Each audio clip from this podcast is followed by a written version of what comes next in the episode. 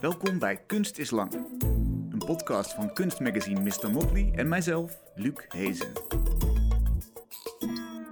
Dag, leuk dat je luistert. Dit is de laatste aflevering van het seizoen. We gaan er vier weken tussenuit. Maar je hoort nog wel van ons, want we herhalen elke week een uitzending. En jij kan bepalen welke dat wordt.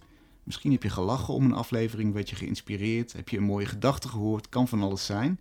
Stuur even een berichtje naar redacteur Milo op milo.mrmotley.nl of helemaal mooi als je dat wil, stuur een voice memo of WhatsApp spraakbericht met je motivatie. En dan zorgen wij ervoor dat de uitzending van jouw keuze nog eens onder de aandacht wordt gebracht. Maar eerst de finale van het huidige seizoen. Tegenover me zit Tanja Smeets. Ze transformeert ruimtes met haar sculpturen die uit de hoeken van de kamer komen gekropen, over vloeren verspreid liggen of van plafonds en banden naar beneden hangen. Het zijn grote amorfe figuren bestaande uit een mengeling van bijvoorbeeld grijs vilt in sierlijke patronen, gebreide structuren van wol en daartussendoor bollen van samengevoegde bladvangers, plastic frames met pinnetjes eraan die ervoor zorgen dat er geen blad in je regenpijp terechtkomt. Door dit alles samen te voegen ontstaan er landschappen die op een organische manier lijken uit te dijen. Ze hebben plantachtige structuren, maar dus ook elementen van niet-organisch materiaal. Andere sculpturen bestaan bijvoorbeeld uit een wolk van keramieke lepels of de glanzende koperen buizen waar normaal gas doorheen stroomt, die ineens omwegen beginnen te maken en uitstulpsels vertonen. Dag Tanja, welkom. Hallo. Fijn dat je er bent. Een van je werk is nu te zien in de tentoonstelling Schurend Paradijs in Kunsthal Kade in Amersfoort. Onder het plaveisel wervelen de wortels is de titel. Ja. Mooie titel. In jouw eigen woorden, wat heb je daar voor wereld laten ontstaan? Hoe zou je dat omschrijven? Ja, je hebt net al heel mooi verteld, vind ik, uh, over mijn werk en over de landschappen die ik uh, maak. Um, in Kade heb ik wel echt geprobeerd om dat, dat hele landschap te maken. Dus echt een, een soort van ruimte te, te, te bouwen waar mensen in kunnen vertoeven en in kunnen verblijven. En um, ja, eigenlijk, uh, ik zal even vertellen een beetje hoe het tot stand is gekomen. Want uh, voor Kade was ik uh, met een beurs van het Mondriaan Fonds, Eigen Tijdse Ambachten heette die beurs, was ik gaan werken in het Textielmuseum, in het lab. En um, daar kon ik werken op de afdeling passement, daar, daar had ik ook uh, voorgesteld. En met een borduurster, Anna Bolk. En ik wilde heel graag die twee technieken onderzoeken. En uh, Anna die komt helemaal uit het uh, haute couture borduren. Die heeft in Parijs uh, op École Lesage opleidingen gedaan. En zij komt dus echt uit die mode en kan ruimtelijk borduren. En ik wilde eigenlijk heel graag die technieken leren, maar die ook vertalen naar grotere sculpturen, werken. En uh, zij kwam dan op zaterdag in mijn atelier en ik moest oefenen op dat borduren. En ondertussen was ik ook in het textielmuseum bezig op die afdeling passement met de vlechtmachine om koorden te maken. Dus vlechten en ruimtelijk borduren, dat ja, waren de twee eigenlijk, technieken. Ja. Wat is dan ruimtelijk borduren? Wat komt er voor figuur Ja, uit? je moet je voorstellen van, ik was maar geïnteresseerd in een paar steken eigenlijk in, binnen dat borduren. Dus ik, ik wilde echt een paar van die steken leren. En dat zijn echt de steken waarin het, uh, het, het draad zeg maar op het doek komt te liggen. Je doet dat met een lunefiel naald. En uh, ik leerde van haar echt om ja, echt sculptuurtjes te maken van dat draad, maar echt minuscuul. Hmm. Ik vond het wel spannend, hè, omdat er echt op je, je doek zo'n zo'n laag komt, maar wel van heel ander formaat. En ik zat dus ook heel erg te denken van hoe kan ik dat nou gaan toepassen in, in ruimtelijk werk. Dus eigenlijk na die beurs had ik wel een aantal um, manieren gevonden om met die nieuwe technieken te werken, maar alles nog heel ja, kleinschalig eigenlijk. Mm. En toen kwamen Robert Roos en Judith van Meeuwen van Kunsthal Kade, die kwamen op mijn atelier met uh, de vraag of ik een werk wilde maken in Schurend Paradijs. Ja, en het is gewoon heel bijzonder als, als um, uh, mensen langskomen met een vraag die al helemaal verwant uh, verwantschap heeft met het werk, dus eigenlijk heel natuurlijk voelt. En tegelijk kun je daar een soort van uh, nieuw onderzoek voor gaan doen. Ik kon opnieuw naar het Textielmuseum, opnieuw met Anna werken. En eigenlijk zijn die beginnende processen helemaal uitgegroeid tot deze installatie. En um, wat, wat voor mij heel belangrijk was erin, was eigenlijk dat ik uh, heel erg ver door kon gaan onderzoeken en maken in de huid van het werk.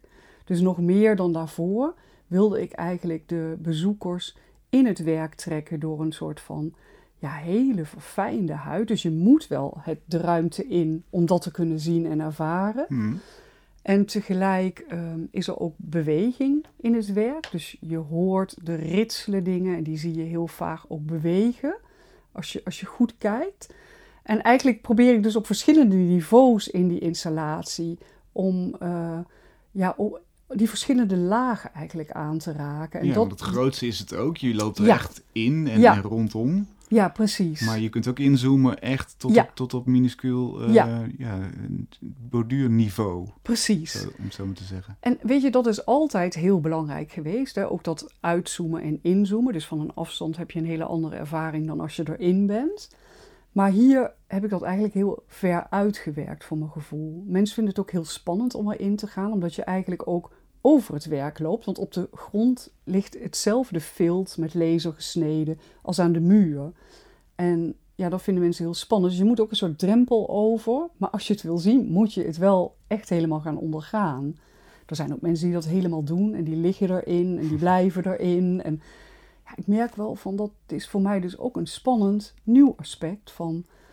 Ik heb dat één keer eerder gehad bij Boymans, dat mensen echt, zal ik straks wel vertellen, maar dat mensen echt in het werk zijn. Ik vind dat beeld ook weer spannend om op verder te gaan. Ja. En wat voor wereld wil je dan optrekken daar? Is het een, een dreigende wereld? Is het een... Er, zit namelijk heel veel onder het oppervlakte, letterlijk Ja. in de titel natuurlijk. Onder Ja. het plaveisel wervelen de wortels. Ja, Er is een, soort kracht die, die door de voegen naar buiten barst eigenlijk in jouw werk. ja, Dat is niet per se een, een, een zorgeloze wereld, een, een, een, een eh, liefdevolle paradijs waar niks aan de hand is. Nee, dat klopt. Ik ben altijd wel eh, heel veel daarmee bezig geweest. Dat, eh, dat vind ik ook iets heel bedreigends. Dat, dat dingen er totaal anders uit kunnen zien. Of een soort van ja, schone schijn zijn. En daaronder is iets heel anders aan de hand. Hmm. En ehm, ja, maar ik vind dat spanningsveld ook super interessant om te onderzoeken. Heb je daar een voorbeeld van, wanneer je dat opviel? Want dan gaat het over buiten de kunsten, denk ik, in de, gewoon in de maatschappij. Of... Ehm, nee, want het is eigenlijk meer iets wat ik altijd in mijn werk opzoek. Dus ik, ik merk van, ik, ik, ik, het is eigenlijk dat ik er meer over nadenk in de zin van het werk. Ik merk dat ik ehm, altijd eigenlijk die, die, die laag, die oppervlaktelaag, da- die, die wil ik eigenlijk van een soort schoonheid voorzien. Mhm. Zodat je er verleid wordt om daarin te gaan. En tegelijk is daaronder, zeg maar, die, die, die brei, dat moeras bijna van hele andere dingen gaande. En die spanning, die, ja, die vind ik heel ehm, een soort van rijkdom hebben, twee kanten uit, om te onderzoeken. En dan wordt het inderdaad gelaagd en dan, dan gaat het Ja. intrigeren en blijf je er langer naar kijken. Ja. Word je er geraakt. Ja, en ik merk dus nu van dat daarin beweging, geluid, eh, het vertoeven op zo'n plek, dat dat allemaal ook mee gaat spelen. Dus eh, ik, ik, ja, ik ben daarin echt ook aan het zoeken van, eh, ja, wil ik dan dat het ook nog verder gaat richting theater? Maar ik wil juist dat mensen er echt in zijn. En ehm, ja, die beweging is wel daaruit voortgekomen. Dat ik een keer eh, met performance heb gewerkt. Mhm. En ehm, ja, daardoor gebeuren er dan weer nieuwe dingen in, in, in, de, in de installaties. Ja, want het is al een beetje een, een duistere wereld, hè, waar, waar het prettig doorheen dwalen is, maar ook een beetje uh, schuurt. Ja. absoluut. En dan heb je eh, volgens mij in 2018 voor het eerst in de kader van een festival daar beweging aan toegevoegd. Hè? Dan, Ja. dan ligt er een hoop van vilt en, en die, eh, die bladvangers, Ja. stekelige grijze bladvangers, en die bewegen dan ineens. Ja, en ehm, ik wilde dat echt heel graag onderzoeken. En ik wist niet of dat een film moest zijn of een performance. Maar ik dacht van, ik begin. En ehm, ik werkte samen met een stagiair van de opleiding scenografie. Vond ik ook al interessant, want die dacht dus al meer in, in zo'n groter gebied en, en richting theater. En met haar hebben we dus een kostuum gemaakt eh, voor een meme-speler. Helemaal ook van vilt, dus van hetzelfde gelezen gesneden vilt. En ook een soort van helm voor hem gemaakt, maar dat was gewoon zo'n zo'n bol met bladvangers. Dus eh, hij kwam oefenen in het atelier. En ik vond heel veel bewegingen eigenlijk te groot, te theatraal, te filmisch. Dus ja, je gaat dan ook filteren van wat zoek ik nou eigenlijk daarin. Dat wist ik ook niet. En toen eh, lag hij En hij kon zo goed zijn spieren beheersen. Hij maakte echt mi minuscule bewegingen. En uh, toen zijn we dat dus gaan doen ter plekke. Maar er stonden gewoon groepen mensen omheen en kinderen. En niemand wist wat er aan de hand was. Dus iedereen was aan het kijken van zit er ergens een kastje? Wordt dit beeld ergens door aangestuurd? Niemand wist ook dat zijn hoofd in die bol zat. Dus waar het begin was of het... Dus het was...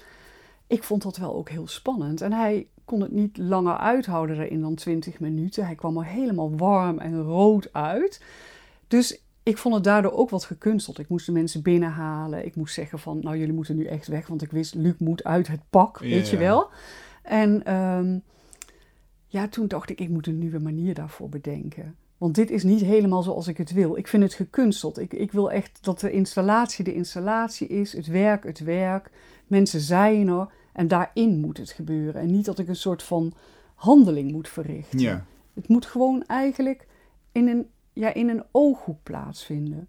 En dan ga je dat weer zelf nauwkeurig onderzoeken als bezoeker. Dus dat, dat stiekem moet het bijna ook een beetje hebben. Ja. Het moet zich, moet zich net niet helemaal in je blikveld afspelen, Precies. maar wel echt voelbaar aanwezig zijn. Ja, mensen zeggen ook bij kade hoor, dat ze het dan zien, maar dan denken ze dat ze het niet zien. En ja, het zet je dus continu ook wel in een soort van iets onzeker uh, veld. Ja. Hoe ver ga jij erin als je, je ziet heel veel organische vormen, landschappen is het Mhm. eigenlijk, ja, wordt het vaak genoemd. Tegelijkertijd zit er plastic in natuurlijk, Ja. zit, er, zit er soms koper in, zit er allerlei andere materialen zitten erin. Ja, Eh, ken jij die materialen een soort van eigen wil toe, een eigen leven? Kijk je er zo naar?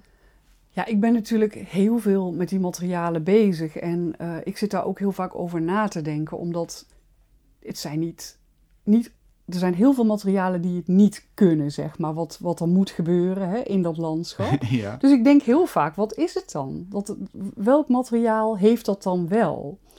En Ja, het is en heel wat specifiek. Is de, wat is de vacature inderdaad? wat, wat, wat moet een materiaal kunnen om in jouw landschap te vullen? Ja, het, het, het moet dus ehm, het moet kunnen transformeren. Maar ja, eh, ja, waarom is dat bij het een wel en het ander niet? Ik, ik kan een voorbeeld geven, eh, de afstandhouders. Hè. Ik heb in Museum Boijmans van Beuningen een groot werk gemaakt met die eh, witte afstandhouders. Die worden gebruikt als je beton giet. Mhm. Dan zorgen ze dat de wapening niet naar beneden zakt. Hè. Die kun je er doorheen steken.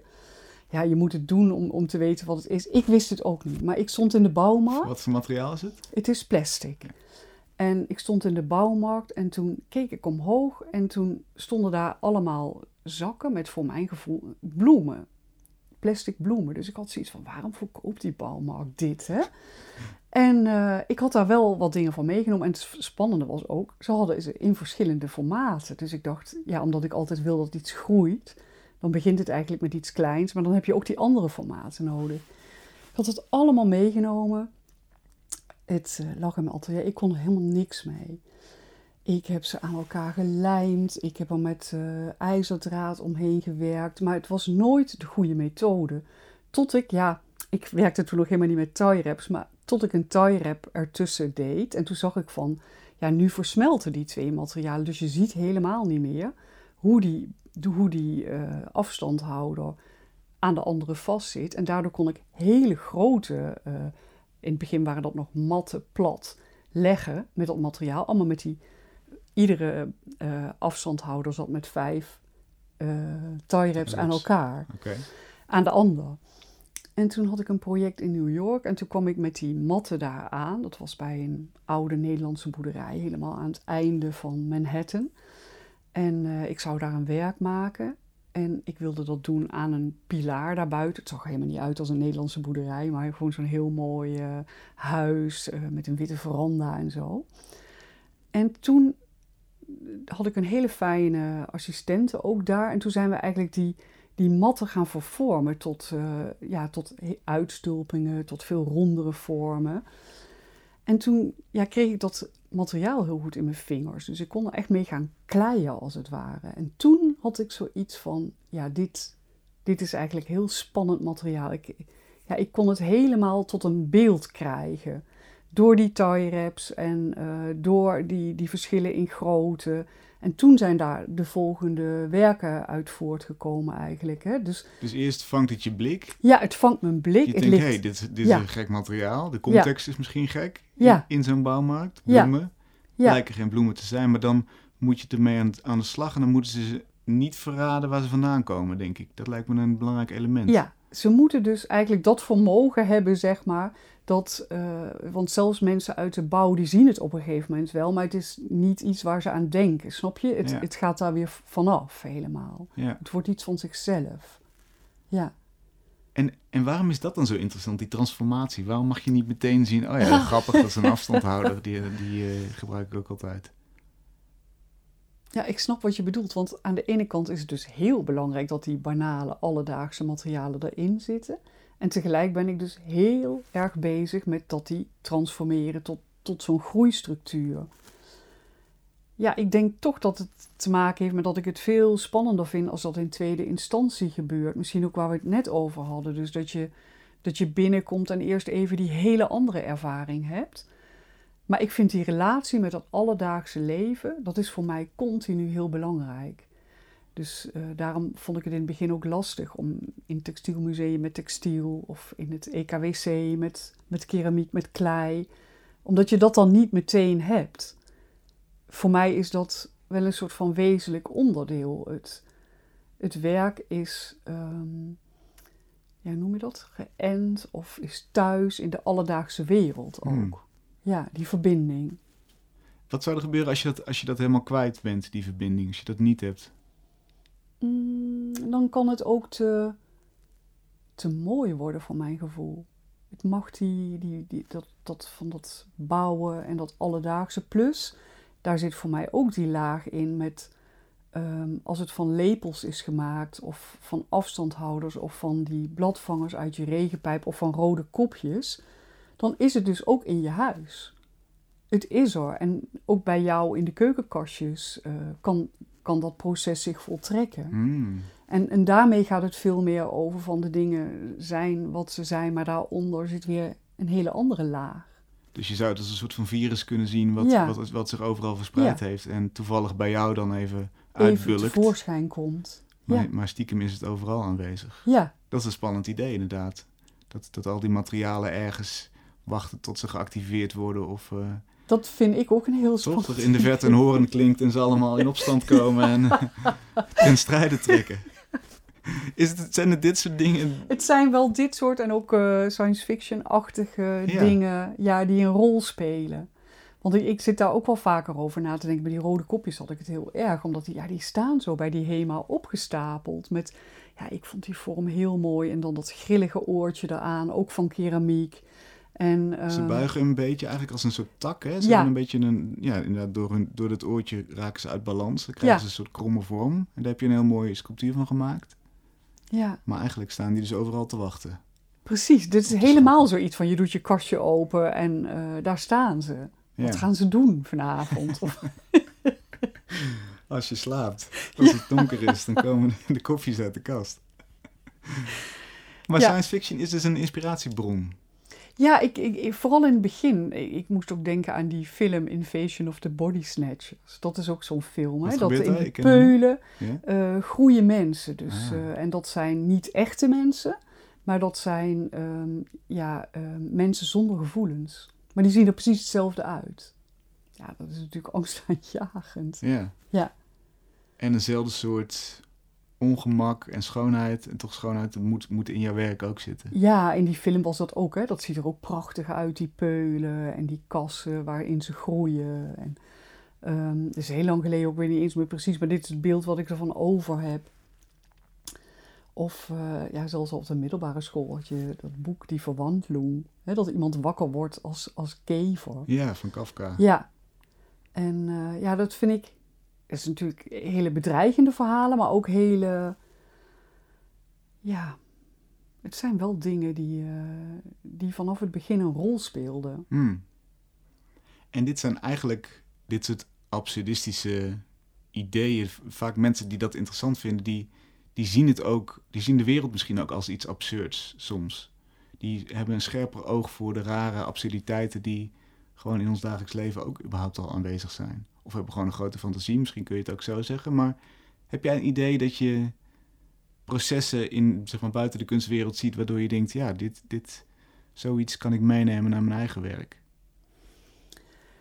Ik geloof het niet. Ik denk veel meer dat het met materialen aan de hand is. Ja, dat wel. Dan, ehm, daar heb ik wel het gevoel van als ik me op een bepaalde manier heel erg concentreer of ik ben bezig met een werken. Ik weet van dat ik een collectieopdracht kreeg van het Textielmuseum, daar voor het eerst ging werken. En dat ik dacht van, ehm, ja, ik werkte met dat grijze filter daar en ik uh, was daarin aan lasersnijden. Ik werkte met de breimachine en ik maakte een soort van gebreide uh, tunnels waar, waar uh, loops uitgroeiden. En ik vond dat allemaal wel, wel spannend en, en mooi om te onderzoeken, maar ik miste de hele tijd iets. En dan, dan zit ik heel geconcentreerd in zo'n werk en dan denk ik, ja, er moet iets gebeuren in dat werk. Iets, hè? Dus dan ga ik echt wel op zoek naar een, een materiaal wat daarin zou kunnen passen. Maar dat vind ik heel spannend, want zoals ik je zei, normaal heb ik een materiaal dat ligt jaren in mijn atelier en dan kan dat op een gegeven moment gebeuren. Het gebeurt niet zomaar. Hmm. Maar toen was dat wel zo, dat ik dus die, die grijze bladvangers vond. En dat die dus precies het goede ding waren in dat beeld. Dus net een, ja, eigenlijk een heel lelijk object tussen dat prachtige, ontwikkelde uh, materiaal. Dat is dan, dan brengt het in balans. En Ja. dan komt er iets gewoons in sluipen. En dan wordt het een rijker beeld van, een interessanter beeld. Ja, Je bent ook bezig met een eh, werk voor een ziekenhuis, het Radboud ziekenhuis in Nijmegen. Een houten wand zien we daar met glazen blokken en daar weer allerlei structuren in. Redelijk beperkt eigenlijk hè, voor de, de woekerende werken die Ja. je normaal gesproken maakt. Dit Ja. is tamelijk ingekaderd. zeker. Ja. Wat, wat, binnenin zitten wel gelukkig allerlei structuren en daar zit nog een beetje van de wildgroei in. ja. Wat zien we precies? Nou, het is wel zo dat die, die, die ruimte zelf, die, die lijkt ook te groeien. Dus dat zijn extra ketsels. Het is een soort van paviljoen van vijf bij zes ongeveer. En op bepaalde punten is die vijf meter hoog. En eh, het begon allemaal met dat eh, het Radboud UMC die eh, kreeg een nieuwbouw.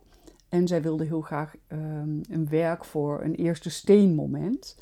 En toen zat ik te kijken naar die, eh, die gewone glasblokken, die je wel uit de badkamer kent. ja, En de ik jaren dacht, 60 badkamers dan, toch? Ja. In ieder geval, ja. ja, dus er zijn er nog steeds ja, heel ja, veel zeker. soorten. ja.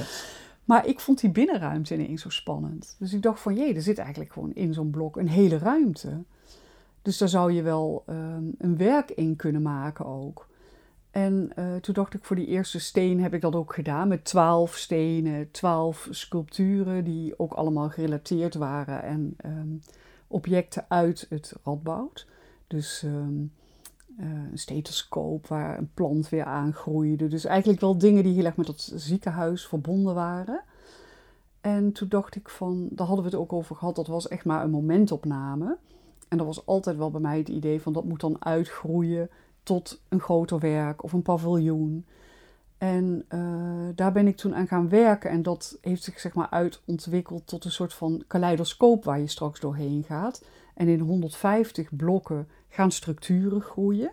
Die hebben deels te maken met de natuur, met landschappen, maar ook weer te maken met wat, wat je in het ziekenhuis tegenkomt. En er zijn ook mensen die objecten hebben ingeleverd. Afdelingen hebben allemaal iets bijgedragen. Wat, Ik wat ga- voor dingen bijvoorbeeld? Patiënten zijn dat echt? Die dingen hebben aangedragen? Of? Nou, zeg maar relaties van het ziekenhuis, maar ook bijvoorbeeld ehm, eh, van de afdeling tandheelkunde komen losse tanden en stukjes gebit. En een glazen eh, spuit, weet je, met een hele mooie naald eraan en dan metaal eh, waar je dat mee naar beneden kan drukken. Dus hele mooie ehm, ja, objecten uit die ziekenhuisomgeving. Hmm. En ik ga die eigenlijk laten transformeren in die glazen blokken. Maar er komen ook allerlei andere eh, glasblokken in. Dus met cirkels, met kleur. ja, je gaat erin. En het is dus wel ook voor mij heel sterk de bedoeling daar dat mensen erin kunnen vertoeven. En daar heb ik heel erg naar zitten zoeken. Van als je in het. eh, dus als je bent een patiënt bijvoorbeeld in het ziekenhuis, of je werkt er, of je bent op bezoek, dat je even weg kan en met je hoofd kan gaan reizen eigenlijk. Hmm. En dat je ook terug kan gaan en dan ga je weer andere dingen ontdekken. Dus wat dat betreft is het wel heel erg uh, ook weer een soort van landschap. Alleen door de omgeving is het veel meer, uh, inderdaad, wat je zegt, ingekaderd en achter dat glas. En ik vind het zelf wel spannend dat het hele kleine objecten zijn, verkoperd of RVS of iemand gaat glas blazen. Dus er gaat van alles gebeuren daarin. Maar ze groeien er niet uit. Dat kan daar niet. Nee.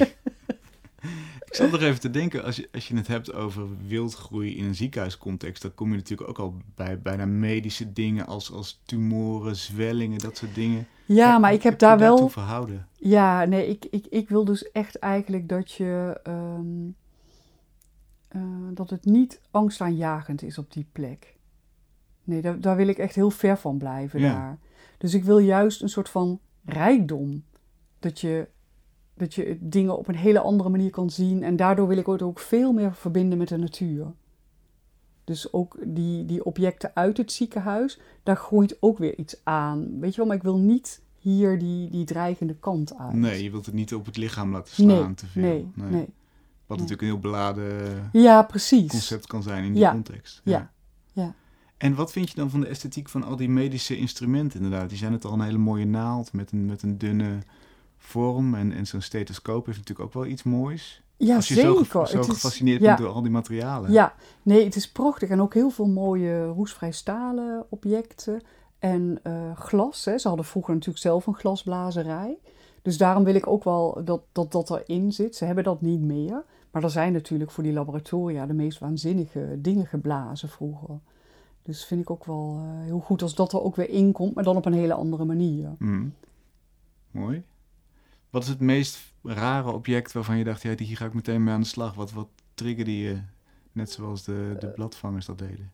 Ja, um, ik had een hele mooie van roestvrij staal, een soort van, ja, ik weet niet wat het is, maar het was een soort ding waarmee je op je knie kan slaan, geloof ik. En er zit een soort van uh, sponsje aan. Ja, ja, ja, dat. Ah. Een reflexhamertje. Ja, ja, ja.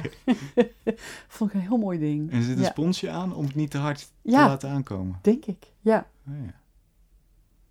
ja. Wanneer is hij af? Want hij is, hij is er niet af. Ja, nee, nee, zeker niet. De bedoeling is eind september. Mhm. Ja. Ik ga het je laten weten. Ja. Een belangrijke vraag die, die eigenlijk vaak voorbij komt in Kunst is Lang is, is waarom maak je die kunst? Waarom, wat, waarom is dat zo interessant? En wat is het voor daad voor jou? Wat, mhm. wat gebeurt er als je dat uh, gedaan hebt? Het is een grote vraag. Maar... Ja, dat is echt een hele grote vraag. Um, ja, het heeft voor mij te maken van. Um, ik, ik, ik ben afgestudeerd uh, met schilderen. En um, ja, op een gegeven moment heb ik mijn eerste, uh, ja, zonder dat ik het wist hoor, maar ik ben van kinderklei bolletjes een, een eerste sculptuur gaan maken. En dat was een, uh, een, een, boomstam, helemaal uit zwarte bolletjes. En daar groeide een soort figuurtje uit. Maar omdat hij ook helemaal van zwarte bolletjes was, was dat eigenlijk ook een tak. Ja, voor mij was dat een heel belangrijk werk toen. Hè. Dat, dat, dat was in feite nog niks, maar ik kon niet meer slapen toen ik dat gedaan had. Want ik was daar altijd wel naar op zoek in schilderijen. Hè, dat uit een arm een soort van zwam groeide. Uh, ik, ik, was altijd wel met, met dit gegeven al aan het spelen, maar ik kon het niet zichtbaar maken.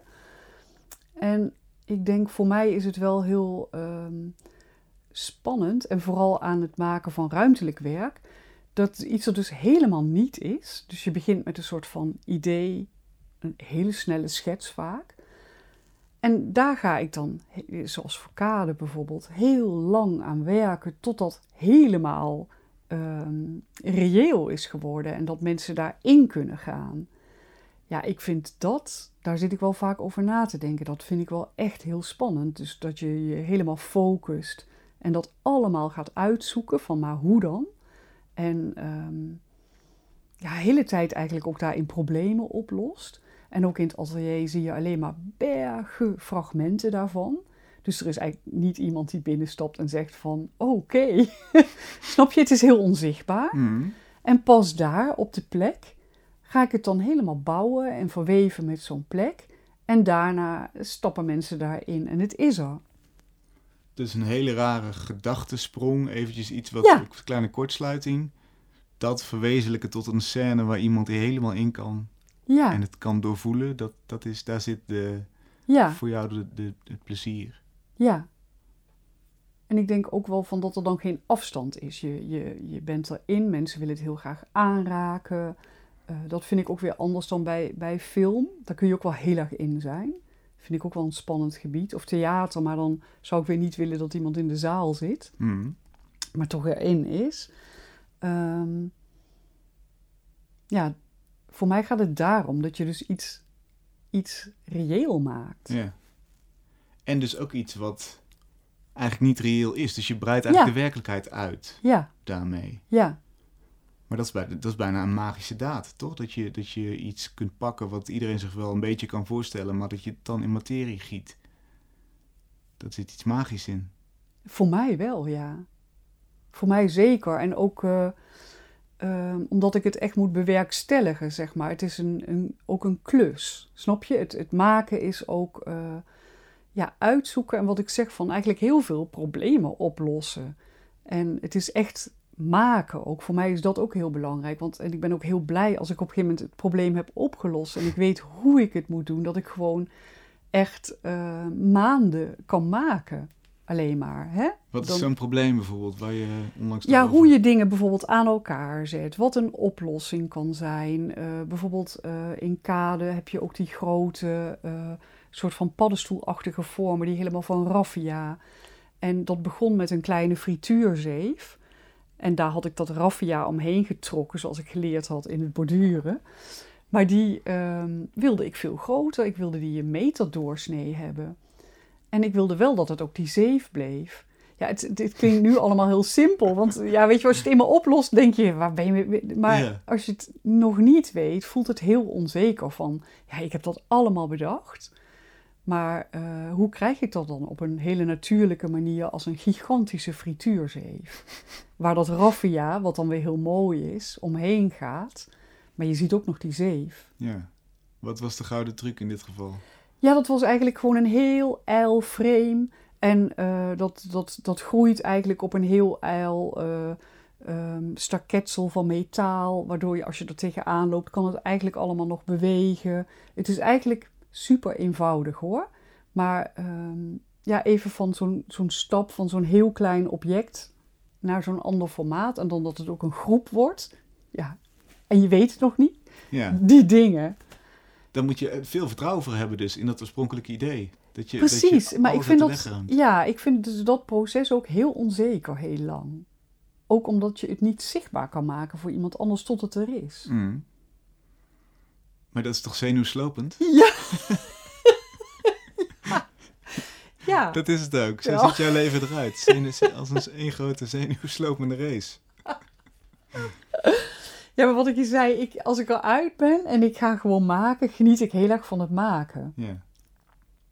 En eh, gewoon die handeling van dat, want het is natuurlijk ook heel veel herhaling daarin. Om dat dan zo te krijgen. Dus als ik eruit ben, ook met die koorden die ik eh, bij passement had gemaakt, als ik weet hoe ik ze precies wil leggen en ik weet hoe ik dat op kan lo- lossen, dan, dan geniet ik daar heel erg van. Dus dan is wel een soort ontspanning. En dan komt de, de nieuwe fase daarna van dat het ook weer moet gaan verweven met de plek. Vind ik ook weer een heel spannend moment. Ja. Ja, want iets kan in je atelier fantastisch eruit zien, maar in een ja. ruimte totaal doodslaan. Ja. En begint dan het, eigenlijk het proces weer opnieuw. Dus dan heb je, ben je met de volgende stap Ja. bezig. Ik voel me dan ook heel los van dat hele maken.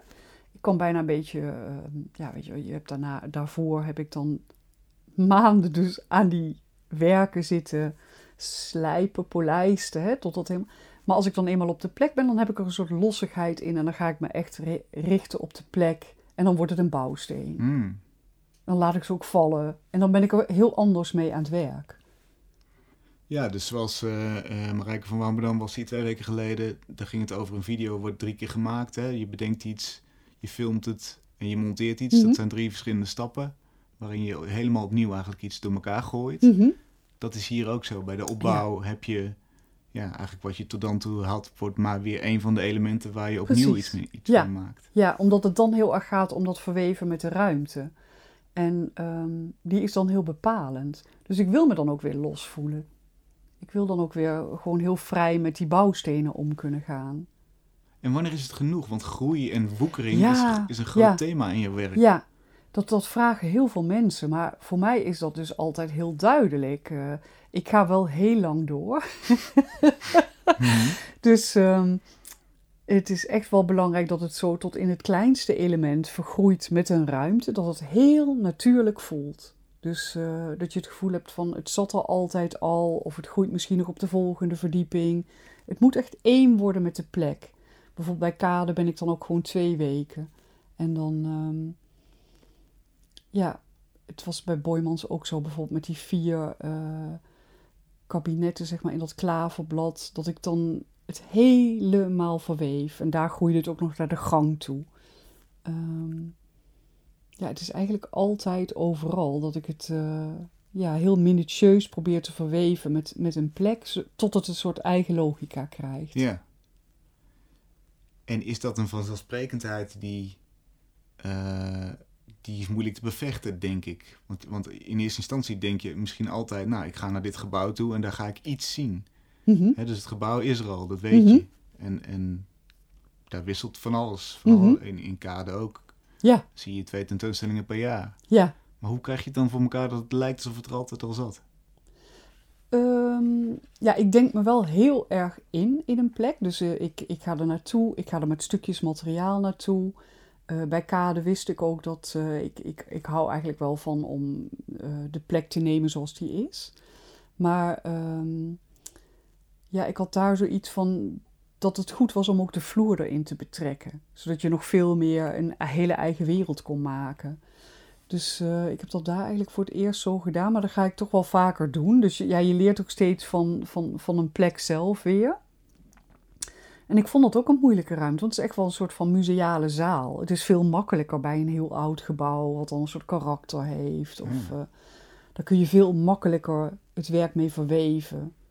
En dan, Die White eh, Cube is een beetje teflon, daar glijdt, Ja. glijden dingen Ja. vanaf. dus hier moest ik wel veel meer eh, dingen daarvoor bedenken, zoals bijvoorbeeld zo'n vloer, die, die ik er helemaal in betrok. En, ehm, maar ik, ik denk me er dus heel lang in. En ik maak ook vaak maquettes en ehm, ja, foto's. En die, die proeven met die materialen zijn belangrijk. En ja, daar, daar trek ik ook weer consequenties uit. Dan moeten dit- soms dingen weer helemaal anders. Want het moet straks wel kloppen, dus dat is best spannend ook. Ja. Ja. Heb je het gevoel dat mensen die erin lopen snappen hoe, hoeveel werk erin zit en, en hoe, hoe verweven, hoe goed het verweven is eigenlijk? Krijg je, krijg je reacties waardoor je denkt, ja, jullie snappen helemaal waar die race voor geweest is? Eh, ik denk dat mensen soms wel voelen dat het heel eh, in- intens gemaakt is. Maar ik denk dat als je zelf niet een maker bent, dat het soms, dat merk ik ook wel, ehm, eh, ook met projecten, dat mensen niet altijd snappen dat iets dus van nul af gemaakt moet worden. En dat dat dus een heel langdurig proces is en Ja. ook complex. Ja. En met hele eigen complexiteit die je niet continu kan overzien. Het is een, eh, een grillig pad ook of zo. Ja, Lijkt me ook wel moeilijk, eenzaam misschien ook wel zelfs. Eh, nee, dat is niet zo. Want ik, ehm, met het werk werk ik eigenlijk dus ook heel veel samen met mensen. Omdat het groot is eh, en met zo'n opdracht. En ehm, studenten komen helpen. Eh, ja, allerlei mensen helpen eigenlijk ook altijd mee eraan. Ja, Hè, of die beweging, dat doe ik dan met Sander Hagelaar. En dan zit je samen helemaal te, te puzzelen hoe dat dan het beste kan. Dus ja, ik nodig ook wel heel veel mensen uit om, ehm, om daarin mee te denken. En ik vind dat ook heel leuk, dat je mensen zo dan in die wereld haalt. en kun je hen uitleggen wat je voor ogen hebt? Ja, je zoekt dat samen. En vooral met andere makers hè, kun je dat eigenlijk heel goed. Ja. Wat is de volgende stap in je werk, denk je? Dus er is Ehm. beweging, er is een, een vloer bijgekomen. Ja. Wat, wat, zijn, wat zijn de volgende dingen die je wilt ontdekken? Ja, ik, ik- wat ik je zei, van dus als ik eh, met performance-achtige ehm, dingen, de elementen erin ga werken, vind ik dus ook lastig, omdat het dan gekunsteld is. Maar ik zou dat, dat landschap en dat, ik weet dat ik heel vroeger al dacht van ik wil een soort van oneindig landschap maken.